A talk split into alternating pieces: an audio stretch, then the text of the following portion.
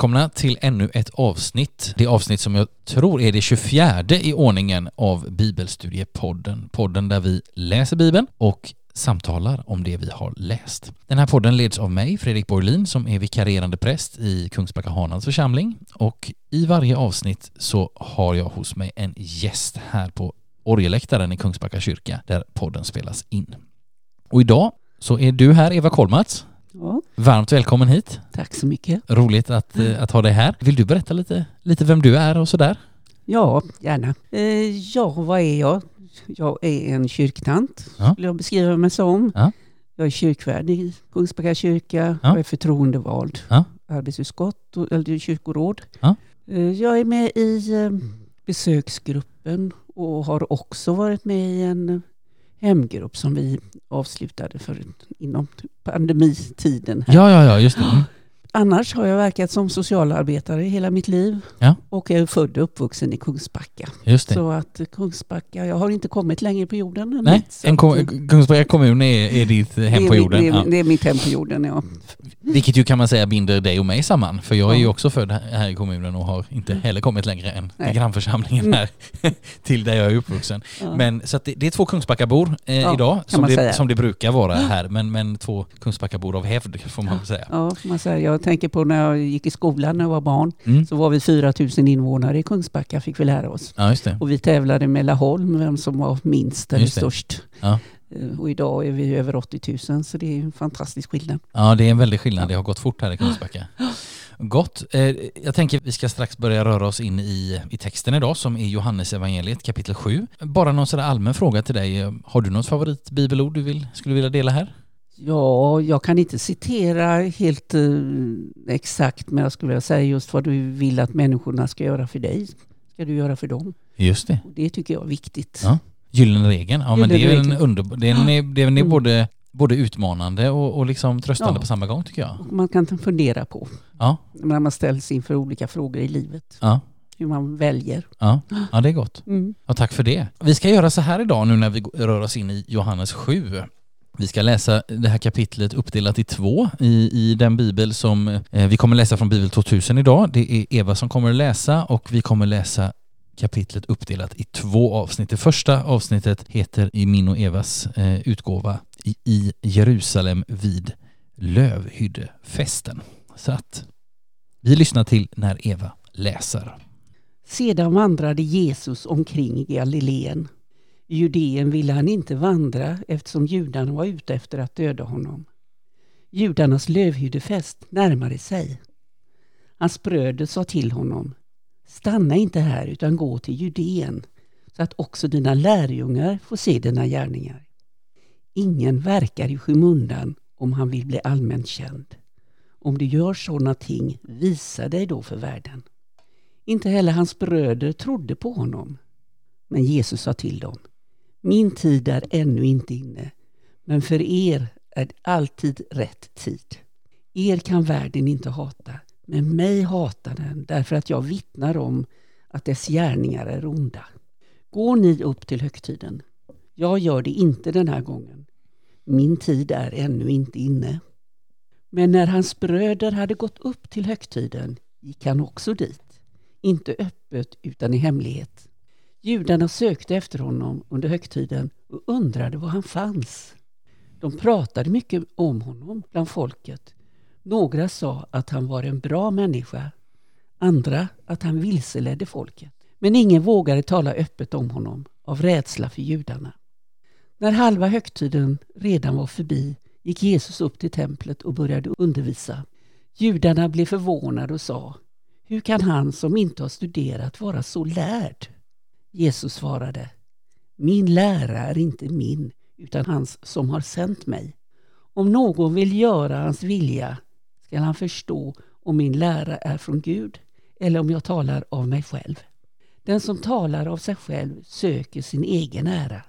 Men den som söker hans ära som har sänt honom, han talar sanning och det finns ingen orättfärdighet hos honom. Har inte Mose gett dig lagen och ändå gör ingen av er vad lagen säger? Varför vill ni döda mig? Folket svarade Du är besatt. Vem vill döda dig? Då sa Jesus, en sak har jag gjort som ni alla undrar över. Mose har gett er omskärelsen, fast den inte kommer från Mose utan från fäderna. Och ni omskär även på en sabbat. Om en människa blir omskuren på sabbaten för att Moses lag inte ska brytas, varför blir ni då uppretade på mig för att jag har gjort en människa helt och hållet frisk på sabbaten? Döm inte efter skenet, utan döm rättvist. Tack så mycket Eva. Ja, så är vi igång i kapitel 7 och vi, eh, hela det här kapitlet liksom ringas in eller eh, rör sig kring en högtid. Det är lövhyddefest i, eh, i Israel och jag ska strax återkomma till vad det, vad det innebär. Men här, här i den här, i det, både i det här avsnittet som vi hörde nu och i det avsnittet som kommer så känner vi också igen det här som, som vi har stött på inte minst i Marcus evangeliet det här att det är konfrontation. Det är diskussion, det är debatt, och Jesus ställer en hel del frågor här som vi ska röra oss in i lite mer om en stund. Men jag tänkte det kan vara gott att bara säga någonting innan jag släpper in dig Eva, om lövhyddefesten. För, för den nämns faktiskt på flera ställen här i kapitlet. Alltså lövhyddefesten på hebreiska sukkot är, det är en judisk högtid som infaller varje år den 15 i månaden Tishri i den judiska kalendern, vilket motsvarar alltså sent i september eller tidigt i oktober. Och den varar i sju dagar och sen så följs den här av ytterligare två helgdagar eh, som heter Shemini Atzeret och Simchat Torah. Och Sukkot, vad betyder det? Jo, det betyder hydda eller egentligen då pluralis hyddor, vilket är en väldigt viktig symbol för den här högtiden. Och vad är det då man firar? Jo, alltså Många familjer, inte minst eh, religiösa familjer, bygger hyddor med tak bestående av löv under bar himmel för att fira och minnas ökenvandringen. Alltså det är ju Många av Israels och, judiska folkets högtider har ju på något sätt med ökenvandringen och, och och det som hände då att göra. Och som vi kan läsa om inte minst i Andra Mosebok. Och hyd, de här hyddorna, de måste vara placerade under bar himmel, eh, vare sig de placeras på en, på en balkong eh, utan tak direkt ovanför eller någonstans i trädgården. Och, så. och där äter man dagens huvudmål varje dag under högtiden och om vädret tillåter så sover man även i de här hyddorna. Och man kan tänka så här, det är en glad skördefest för det här är på hösten när man minns Guds välgärningar under ökenvandringen. Och den här högtiden firas såklart också i dagens Israel. Det är en, en stor liksom glädje och befrielsehögtid när folk eh, ja, söker sig till havet, ut på landet, längs vattendrag och på olika sätt och firar de här dagarna med mat och dryck. Och det är lite bra att, att, känna, eh, att känna till den här och att den här då liksom högtiden sträcker sig över, först är det sju dagar och sen så kommer liksom två dagar efteråt som är i sig liksom ensamma högtider. Lite som vi firar liksom jul ett antal dagar och så kommer trettonde dag jul som ju på ett sätt hänger ihop med jul men som ju samtidigt är fristående och har sitt eget tema. Och det är lite bra att vi har ett grepp om den här lövudfesten eftersom här i Johannes 7 så händer liksom flera saker under olika dagar av den här högtiden. Alltså vi hörde i vers 2 hur Eva läste judarnas lövhyddefest närmade sig och sen så hörde vi Eva läsa i vers 14 så här när halva högtiden redan var förbi och sen i vers 37 så läser vi om hur Jesus talar på högtidens sista dag så att vi förstår att det här är några saker som pågår under mer än en veckas tid eftersom det står i det första fallet att lövhyddefesten närmade sig. Gott. Vad tänker du på mm. Eva i, när du läser detta? Jag har läst, hade jag funderat lite grann just på det du säger, ordet konfrontation. Ja. Varför han inte ville gå med upp till eh, Jerusalem. Ja, det är och, intressant. Ja, varför han inte ville gå med men att han ändå gjorde det ja. efter ett tag. Och eh, vilken tanke, planerade han att inte göra det här eller var det något som hände som gjorde att han eh, ändå gick dit upp och började predika i templet? Mm. Det funderar jag på. Ja, ja det, det är intressant det här att, att, och att, att liksom Johannes är så liksom han hade ju bara kunnat skriva, ja, Jesus gick upp dit, han behövde inte ha berättat den här Nej. förhistorien av, ja, han hade tänkt och han hade inte tänkt och, och sen så ändrade mm. han sig. Och, och jag, jag stannar också upp till det, men jag har egentligen ingen riktigt bra förklaring kring varför det är så här. Det, det, är en sak som, som vi faktiskt får lite extra från Johannes och som vi kommer märka ännu mer av i nästa avsnitt. Det är ju det här att Johannes verkar ha väldigt god koll på strömningar i samhället. Alltså vi i, från Markus är vi vana vid att lyssna till att då kom fariseerna och då kom de skriftlärda. Och, och, det får vi inte riktigt lika mycket här. här Johannes pratar ju gärna om judarna, skriver han på många ställen och det, det har vi hört om innan att det, då ska vi uppfatta det som det judiska ledarskapet. Men mycket sådana här, som till exempel i nästa avsnitt, det här med att det, det pågår samtal om vem Jesus är och folket, vissa tyckte så. Där, där, har, där har Johannes en särskild inblick liksom. Och det är väldigt intressant. Men, men just det här varför han ändrar sig, nej det kan jag, nej, det är svårt att svara på. Nej, men Jag tycker det finns flera sådana delar i det, Ja, det här kap- kapitlet, att man undrar hur, hur han tänkte. ja, Om, för att jag menar, när han väl gick upp till Jerusalem Mm. så predikade han, han är helt öppen egentligen. ja. Eh, först fick man känslan av att han nästan skulle vara förklädd, men Mm. det var han ju inte och han talade ju och talade till folket på ett sätt som det är klart att många undrade, vem är han? Vad, vad Ja. gör han? Och Ja, varför gör han så här? ja. Är han Messias? Är han profet? Eller vad är han? Ja, ja men alltså precis och det verkar råda väldigt många, väldigt många olika uppfattningar och vi kan också fundera på men varför ingrep inte hans motståndare? Eh, och det får vi ju svaret på på ett sätt i nästa avsnitt. Jag tänker på, Ehm. förlåt mig, jag tänker på just det här man säger, det, är inte min tid nu, det är inte Nej. min tid ute. Och att det är därför de inte rör honom, att det är därför ingen som gör honom illa eller fång, tillfångatar honom eller någonting sånt. Nej. Och sen kan man ju fundera på hur, alltså jag tänker så här, hur, hur kan motst... För vi, vi kan ju föregripa det här nu när vi ändå pratar Mm. om det. I vers 30 som vi ska få höra om en liten stund så står det så här. De, alltså de här olika motståndarna då, de ville gripa honom men ingen lyfter sin hand mot honom. Hans stund var ännu inte inne. Och då tänker man så här, nej men från, från Guds perspektiv, eller liksom från, alltså att, och, och det här är ju också ett centralt begrepp hos Johannes, att, att Jesus stund, först är den inte kommen och det nämns några tillfällen och sen så står det, att, jag tror det är tre gånger och sen så fyra gånger så nämns det att Jesus stund är kommen, eller Jesus själv säger att stunden har kommit på olika sätt. Va? Tre plus fyra är sju och det känner vi också igen från tidigare avsnitt att Johannes jobbar mycket med sjutal. Det här är för övrigt också, alltså nu när Jesus är i Jerusalem vid lövhyddefesten så är det hans fjärde resa till Judén av också totalt sju. Så att, eh, och så finns det andra sjutal men, men eh, det har vi pratat mycket om i andra avsnitt så det kan vi. Men man kan ju fundera på det här med att stunden inte var inne, alltså Gud som styr skenerna och Jesus som vet vad som ska hända framöver och sista veckan och sådär.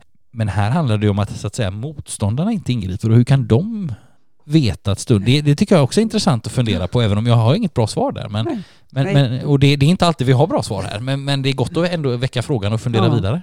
Vad, vad, vad hände? Vad, vad, vad var det som påverkade? Ja. Ville han vänta in rätt tid? Ja, och sen så tänker jag på, här finns också några andra saker i, vi får lite mer information om, alltså vi får lite påminnelser om att Jesus har en alldeles vanlig familj med Ja. hans bröder och sådär. Tänkte Ja, du på något det var en särskilt där fråga, Eva? Ja, precis. Ja. Jag reagerade på när jag läste det. Mm. Att eh, just där stod att hans bröder säger till honom att han ska upp så att lärjungarna också får höra vad han har att berätta. Ja. Och det funderar jag på. Som sagt, eh, vad hade Jesus för bröder? Ja, alltså vi kan, vi kan läsa till exempel, vi kan läsa till exempel från slutet av Matteus 13, så står det så här, jag, jag läser faktiskt hela det avsnittet för det är inte så långt så får vi ett sammanhang där. När Jesus hade avslutat sina liknelser, alltså han har haft ett långt tal om, om, eh, om liknelser, lämnade han trakten, han kom till sin hemstad och där undervisade han i synagogan så att man häpnade och sade varifrån kommer den mannens visdom och underverk? Intressant för att Det står här också. det står precis i, den här vers, i det här kapitlet också, Mm. han som inte har studerat. Precis. Eh, har vi läst det eller kommer vi Nej, vi kommer till vi kommer till det. Jag läser fortsätter från Matteus här. Vi hoppar från ett evangelium till ett annat. Varifrån kommer den mannens visdom och underverk? Och sen då, är det inte snickarns son? Heter inte hans mor Maria och hans bröder Jakob och Josef och Simon och Judas? Och bor inte alla hans systrar här hos oss? Varifrån har han då allt detta? Så blev han en stötesten för dem, men Jesus sa det till dem, en profet blir ringaktad bara i sin hemstad och i sitt hem. Och han gjorde inte många underverk där eftersom de inte ville tro. Så fyra bröder, Jakob, Josef, Simon, Judas och alla hans systrar, ja det är minst två. Eller kanske tre, eller ännu fler. De räknas inte så noga. Nej, och, och eh, vad vet vi om dem? Ja, det är ganska tydligt, inte bara utifrån, kanske egentligen framförallt utifrån bibelord som dessa. Här, här, här får vi en känsla av att de är inte, tror inte på Jesus i det här läget, utan de verkar mer, tänk, de verkar mer se på honom som någon som gör sin grej liksom. Men, men vi vet ju senare att, eh, och det nämns ju i början av apostlagärningarna om jag minns rätt, att, att där nämns ju bröderna och både Jakob och Judas, de här två bröderna, brukar man ju säga är, är ju författare till brev i Nya Testamentet, alltså Jakobs brev och Judas brev. Så att där, där finns de omnämnda. Men i det här skedet som vi, vi möter dem nu i Johannes 7 så, så har de in, till, verkar de inte tillhöra de som, alltså, Följde som, Jesus. som följde Jesus. Nej, Nej, precis. Något annat du tänkte på Eva i det här avsnittet? Ja, jag tänker på här när de säger att min lärare är inte min utan hans som har sänt mig. Mm. Och om någon vill göra hans vilja skall han förstå om min lära är från Gud eller om jag talar av mig själv. Mm. Det funderar jag också på. Mm. Eh, Han är ju väldigt tydlig med allt detta och det, det är Mm. väl det som, som sagt blir lite motsägelsefullt i detta att han inte skulle gå upp till Jerusalem. men han ändå så tydligt markerar vem Mm. han är. Ja. ja, precis. För han verkar, på något sätt så verkar han ju vilja sig hålla sig undan. Ja. Precis som du säger. Men å andra sidan så är han samtidigt i det öppet. Ja, precis. Eh, Eller liksom talar Mm. han i det öppna sådär. Och, ja, jag har också tänkt en del på det men inte, inte kommit till någon så här, var, varför är det så här? Och då kan man fundera på att det kanske är någon sån här tanke att nej men jag ska ändå gå upp dit för det är ju ändå Ja. högtid och det får vi tänka oss att det var något som Jesus gjorde även innan han, även innan han så att säga framträdde och samlade lärjungar och började förkunna att man gick till Jerusalem vid högtiderna men och då kanske han tyckte att det, ah, jag kan lika gärna säga ett och annat och sådär. Och sen tänker jag ju också när man pratar om det här med Mose lag och omskärelsen. Och att, han, eh, att man omskar på sabbaten. Men Ja. att han som då kunde bota en människa, att man gjorde det på sabbaten, så blev Mm. folk uppretade. Ja. Och det är klart att det här känns ju oerhört motsägelsefullt. Ja. För människor som man, man, förstår alltså att det, det, bedömningen av vad som var viktigt att, att bota en människa eller med omskärelsen ställs mot varandra på ett eh, underligt sätt. Ja. Och det kan man fundera över. Ja men precis, alltså det här som vi, som vi läser om i vers 23 här. Mm. Varför blir ni då uppretade på mig för att jag har gjort en människa helt och hållet frisk på sabbaten? Och då kan man tänka så här, vilket tillfälle pratar Jesus om? Jo, Mm. med största sannolikhet om det som händer i början av kapitel 5, alltså Ja. den sjuke vid Betesda. Mm.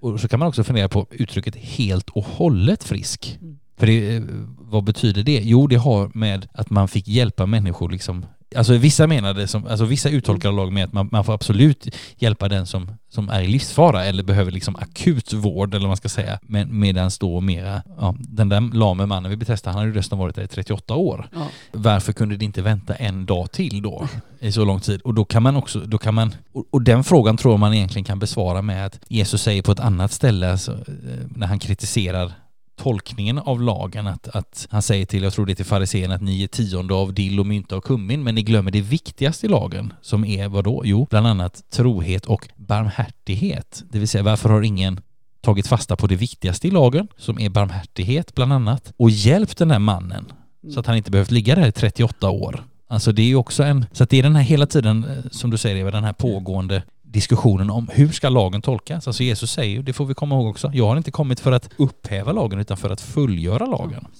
Och här blir det konfrontation. Precis. Gott. Vad säger du, ska vi ta och läsa vidare det andra avsnittet Ja, också? Yes! Då ska vi, Eva, börja läsa ifrån vers 25 och resten av kapitlet. Och det här avsnittet heter i alla fall i våra biblar Olika uppfattningar om Jesus. Då sa några av Jerusalemsborna, är det inte mannen som de vill döda? Här står han och talar öppet och de säger ingenting till honom. Inte kan väl rådsherrarna ha blivit övertygade om att han är Messias? Varifrån den här mannen är, det vet vi ju. Men när Messias kommer vet ingen varifrån han är. Då ropade Jesus där han undervisade i templet. Ja, ni vet vem jag är och varifrån jag kommer. Men jag har inte kommit av mig själv. Det finns förvisso en som har sänt mig, men honom känner inte ni. Jag känner honom därför att jag kommer från honom och därför att han har sänt mig. De ville gripa honom, men ingen lyfte sin hand mot honom. Hans stund var inte inne. Bland folket kom många till tro på honom och de sa, inte kan väl Messias göra fler tecken när han kommer än den här mannen har gjort. Fariseerna fick höra vad folket pratade om honom och översteprästerna och fariseerna skickade ut sina män för att gripa honom. Jesus sa, ännu en kort tid är jag hos er innan jag går till honom som har sänt mig. Ni kommer att söka efter mig, men inte finna mig, och där jag är, dit kan ni inte komma. Då sa judarna till varandra, vart tänker han gå, eftersom vi inte ska finna honom? Inte tänker han väl gå till dem som bor kringspridda bland grekerna och undervisa dem? Vad menar han när han säger ni kommer att söka efter mig men inte finna mig och där jag är, dit kan ni inte komma. På högtidens sista och största dag ställde sig Jesus och ropade Är någon törstig så kom till mig och drick. Den som tror på mig, ur hans inre ska flyta strömmar av levande vatten som skriften säger. Detta sa han om anden som de som trodde på honom skulle få. Ty ännu hade anden inte kommit eftersom Jesus ännu inte hade blivit förhärligad. Några i hopen som hörde detta sa han måste vara profeten. Och några sa han är Messias. Men andra sa inte kommer väl Messias från Galileen? Säger inte skriften att Messias skall vara av Davids ett och komma från Betlehem, byn där David bodde? Så blev hopen oenig om honom. Några ville gripa honom, men ingen lyfte sin hand mot honom. När deras folk kom tillbaka frågade översteprästerna och fariseerna Varför har ni inte tagit hit honom? De svarade Aldrig har någon människa talat som han. Då sa fariseerna till dem Har ni också blivit vilseledda? Finns det någon i rådet eller bland fariseerna som tror på honom? Men den stora hopen som inte kan lagen, den är förtappad. Nikodemos, som själv satt i rådet och som tidigare hade sökt upp Jesus, sa Inte dömer väl vår lag någon utan att man först har hört honom och tagit reda på vad han gör. De svarade Är kanske ni också från Galileen? Se efter i skriften så ska du finna att ingen profet kommer från Galileen.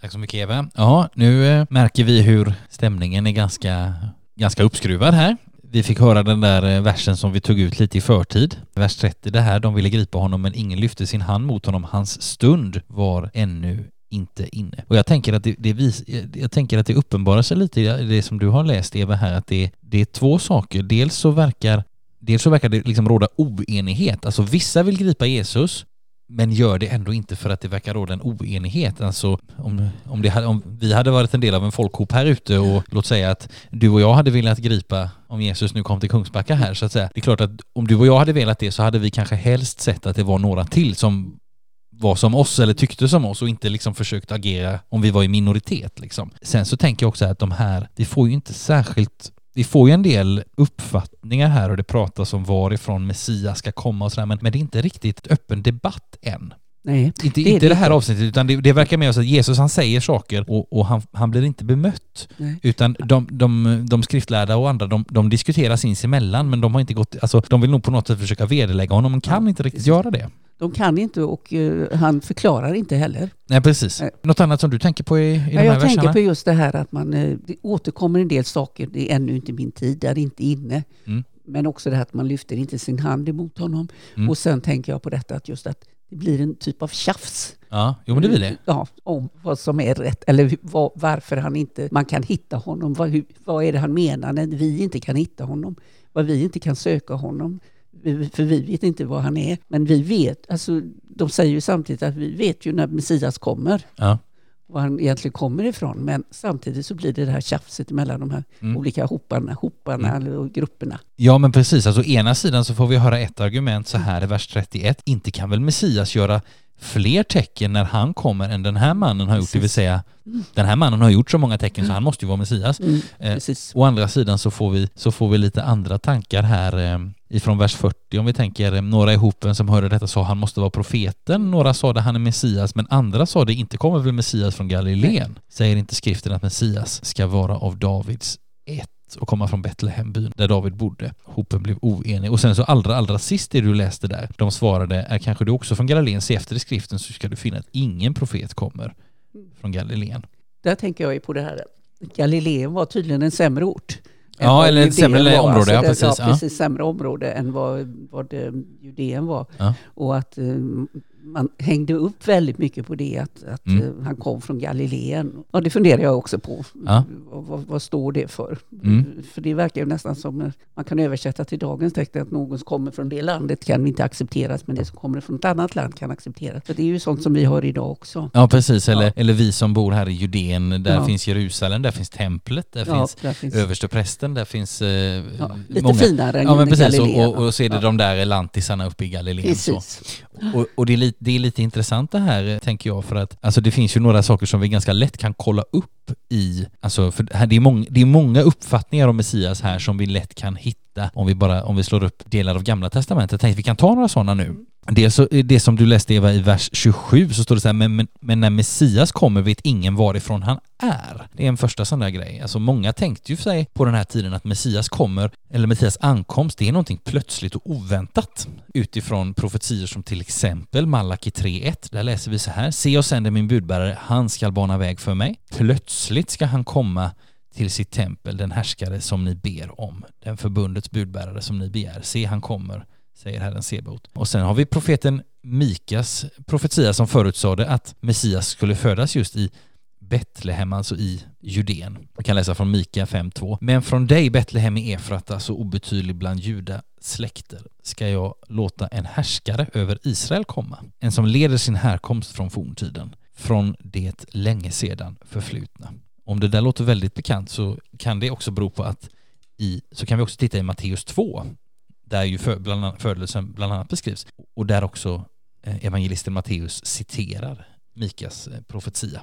Så, så, det är en sån där sak och sen så, så läser vi i vers 42, säger inte skriften att Messias ska vara av Davids ett och komma från Betlehem? Och har vi läst i början av Matteus och Lukas så vet vi att det här händer ju också. Jesus eh, finns i de här sammanhangen, de föds i Betlehem och så vidare, men visst är det så att det också finns profetior om detta. Vi kan läsa i Andra Samuelsboken 7 till exempel att Messias ska vara Davids son eller varav Davids ett, då står det så här. Och då dina dagar är till ända och du vilar hos dina fäder, alltså David då, ska jag låta en ättling till dig, en som du själv har avlat, efterträda dig och jag ska trygga hans kungavälde. Han ska bygga ett hus åt mitt namn och jag ska befästa hans kungatron för all framtid. Och så kan vi dra oss till minnes återigen då det här med Mika 5.2 som vi precis hörde, alltså att Messias ska komma ifrån Betlehem. Så, så, där har de ju helt rätt så att säga. Och vad de inte vet är att Jesus är förvisso uppvuxen i Nasaret men född i Betlehem.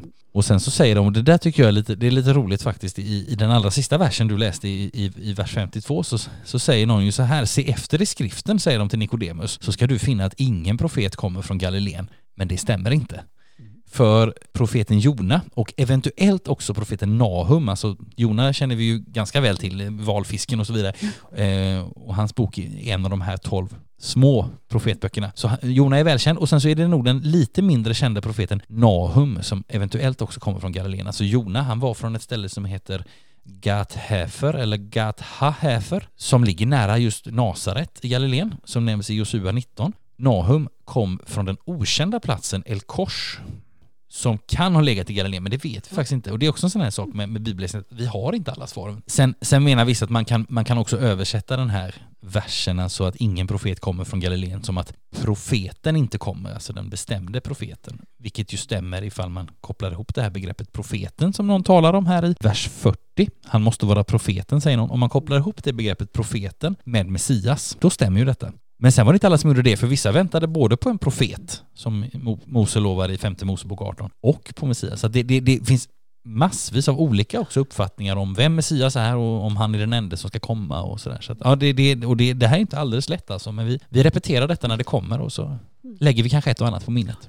Det är spännande. Ja men det är det. Och det är alltså, mycket av svaren på Bibelns frågor finns ju faktiskt också i Bibeln. Ja. Eh, sen kan det finnas i, i arkeologin och det kan finnas i andra historiska källor och den kan också finnas i bönen. Och, alltså, att, att, och ibland kan svaren på våra, ibland, jag menar vi har ju ställt några frågor här, både du och jag Eva idag, som vi inte har fått svar på. Vi har funderat på varför gjorde han så, varför gjorde han så? Och vet vi inte. Och det är möjligt att om tre år när vi kommer tillbaka till det här stället eller om ett år eller fem år, ja men då, då har vi kanske en tanke, fått en tanke med oss från något annat ställe. Så att det, Bibeln hänger ihop på det sättet.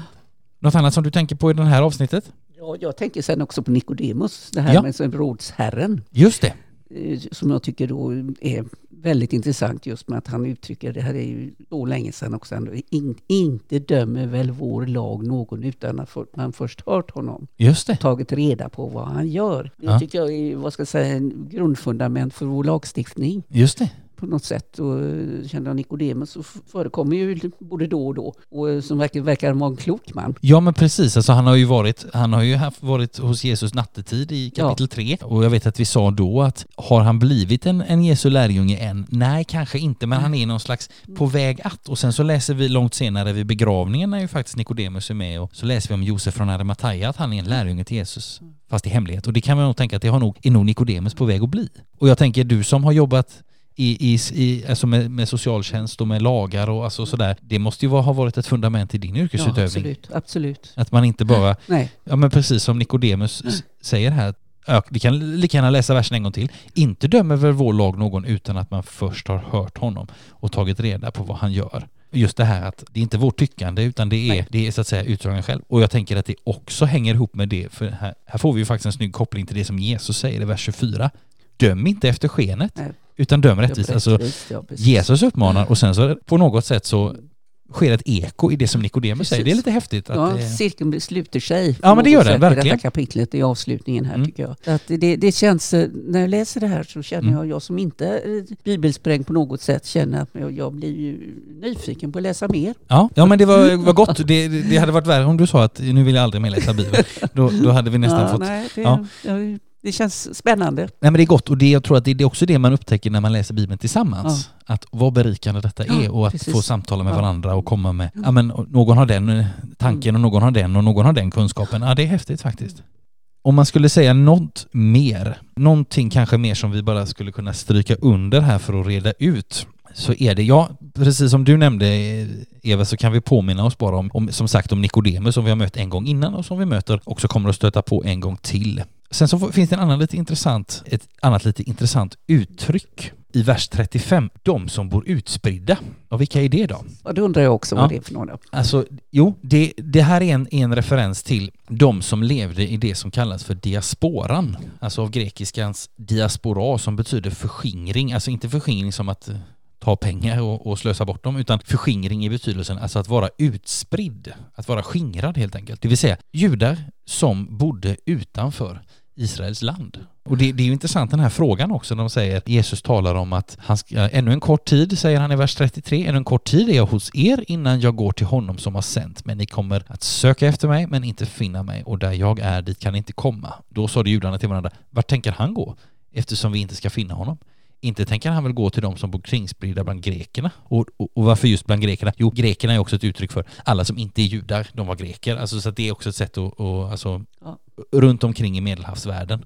Och det, det är en intressant fråga, för de förstår inte liksom den andliga betydelsen i att han ska gå någonstans dit de inte kan komma. Det är ju lite som Nikodemus säger där på natten i kapitel 3, att när Jesus talar om att födas på nytt och, och Nikodemus eh, tolkar det väldigt bokstavligt och säger inte kan man väl komma in i moderlivet igen och födas en gång till? Nej, fast det är ju inte den typen av födelse det handlar om. Så att det, och de här frågorna dyker upp lite ibland. Eh, väldigt så handfasta frågor och så får de i sin tur leda fram till ett, liksom ett tal eller ett, bara en kort fras av Jesus som har en väldigt liksom, stor tydlighet, stor bestämdhet och, och det är ofta ord av Jesus som hamnar i centrum. Alltså vi kan tänka på vers 38 till exempel. Den som tror på mig, ur hans inre ska flyta strömmar av levande vatten. Alltså sådana här väldigt, väldigt djupa ord och väldigt stora ord som liksom, som nästan, ja, det blir nästan de som blir centrum. Så att när Jesus säger det här så all, på något sätt tänker jag allting annat som har hänt och alla frågor och allt som du sa tjafs, det är liksom bara fejda bort på något sätt och så är det de här orden som Jesus säger. Jag har strukit under just de här sakerna för jag tyckte, det hade jag liksom fråga, jag skulle vilja få förklarat det. Ja. Den som tror på mig, ur han- hans inre ska flyta strömmar av levande vatten som skriften säger. Mm. Detta sa han om anden som de som trodde på honom skulle få. Mm. Och det, det, jag förstår inte riktigt det, men det... Nej, och det, men det här finns det, det här, det här är en ganska intressant sak för att här kan vi gå tillbaka till det vi började med, alltså det här med lövhyddohögtiden och vad gjorde man då? Vi kunde egentligen ha sagt mer om det redan då, men nu tar vi det nu. Alltså vid lövhyddohögtiden, eller sukkot då som det hette, så fanns det bland annat en vattenceremoni eh, som man liksom firade eller eh, som man hade. Och då öste man vatten över det stora offeraltaret inne i templet och församlingen eller folket som var samlat sjöng en viss, en eh, särskilt en, en specifik vers ifrån Jesaja, Jesaja 12 och 3 så här och det här tror jag att jag har hört någon kyrkokör sjunga en gång. Det är så här. Med fröjd ska ni ösa vatten ur frälsningens källor. Det sjöng folket. Och jag tror att det som Jesus säger här, alltså nu talar han ju om anden och den kommer ju på pingstdagen och det är ju liksom det som ska komma och det som så, men, men här finns också en koppling till just den här ceremonin i lövhyddohögtiden. Alltså Jesus dyker inte bara upp där och pratar om vatten och jaha, vad vatten var då? Liksom, utan han, han kopplar ju på ett sätt att det här gör vi nu liksom, och, men, men Gud vill mer. Alltså, Gud har, Guds plan pågår liksom. Och sen är det lite intressant också det här med ösa vatten ur frälsningens källor, så kan vi tänka på, ja men Jesu namn då? Eller hans hebreiska namn Jeshua, som ju faktiskt betyder frälselse, kommer från hebreiskans Jeshua, frälsning eller räddning. Så det blir ju liksom en, vad ska vi säga, en kontaktpunkt mellan det som Jesus säger och den som Jesus är. Ja, men någonstans där. spännande. Ja, gott. Något annat du tänker på, eh, Eva? Nej, jag, jag, tycker det har varit intressant att läsa det. Jag tycker Ja. det är ja, mycket trevligt. Ja, gott. Väldigt, ja, väldigt gott att ha det här. Stort tack för att du har kommit hit och bjudit på dina tankar och dina förberedelser Tack så här. mycket. Trevligt. Eh, mm. Och stort tack till dig som har lyssnat på den här podden. Vi hoppas att du också har fått med dig någonting ifrån från den här läsningen av, av Johannes 7. Så att tills vi eh, möts igen, eller hörs igen nästa gång, så önskar både jag och Eva, dig som lyssnar, allt gott och Guds rika välsignelse. Allt gott. Hej då!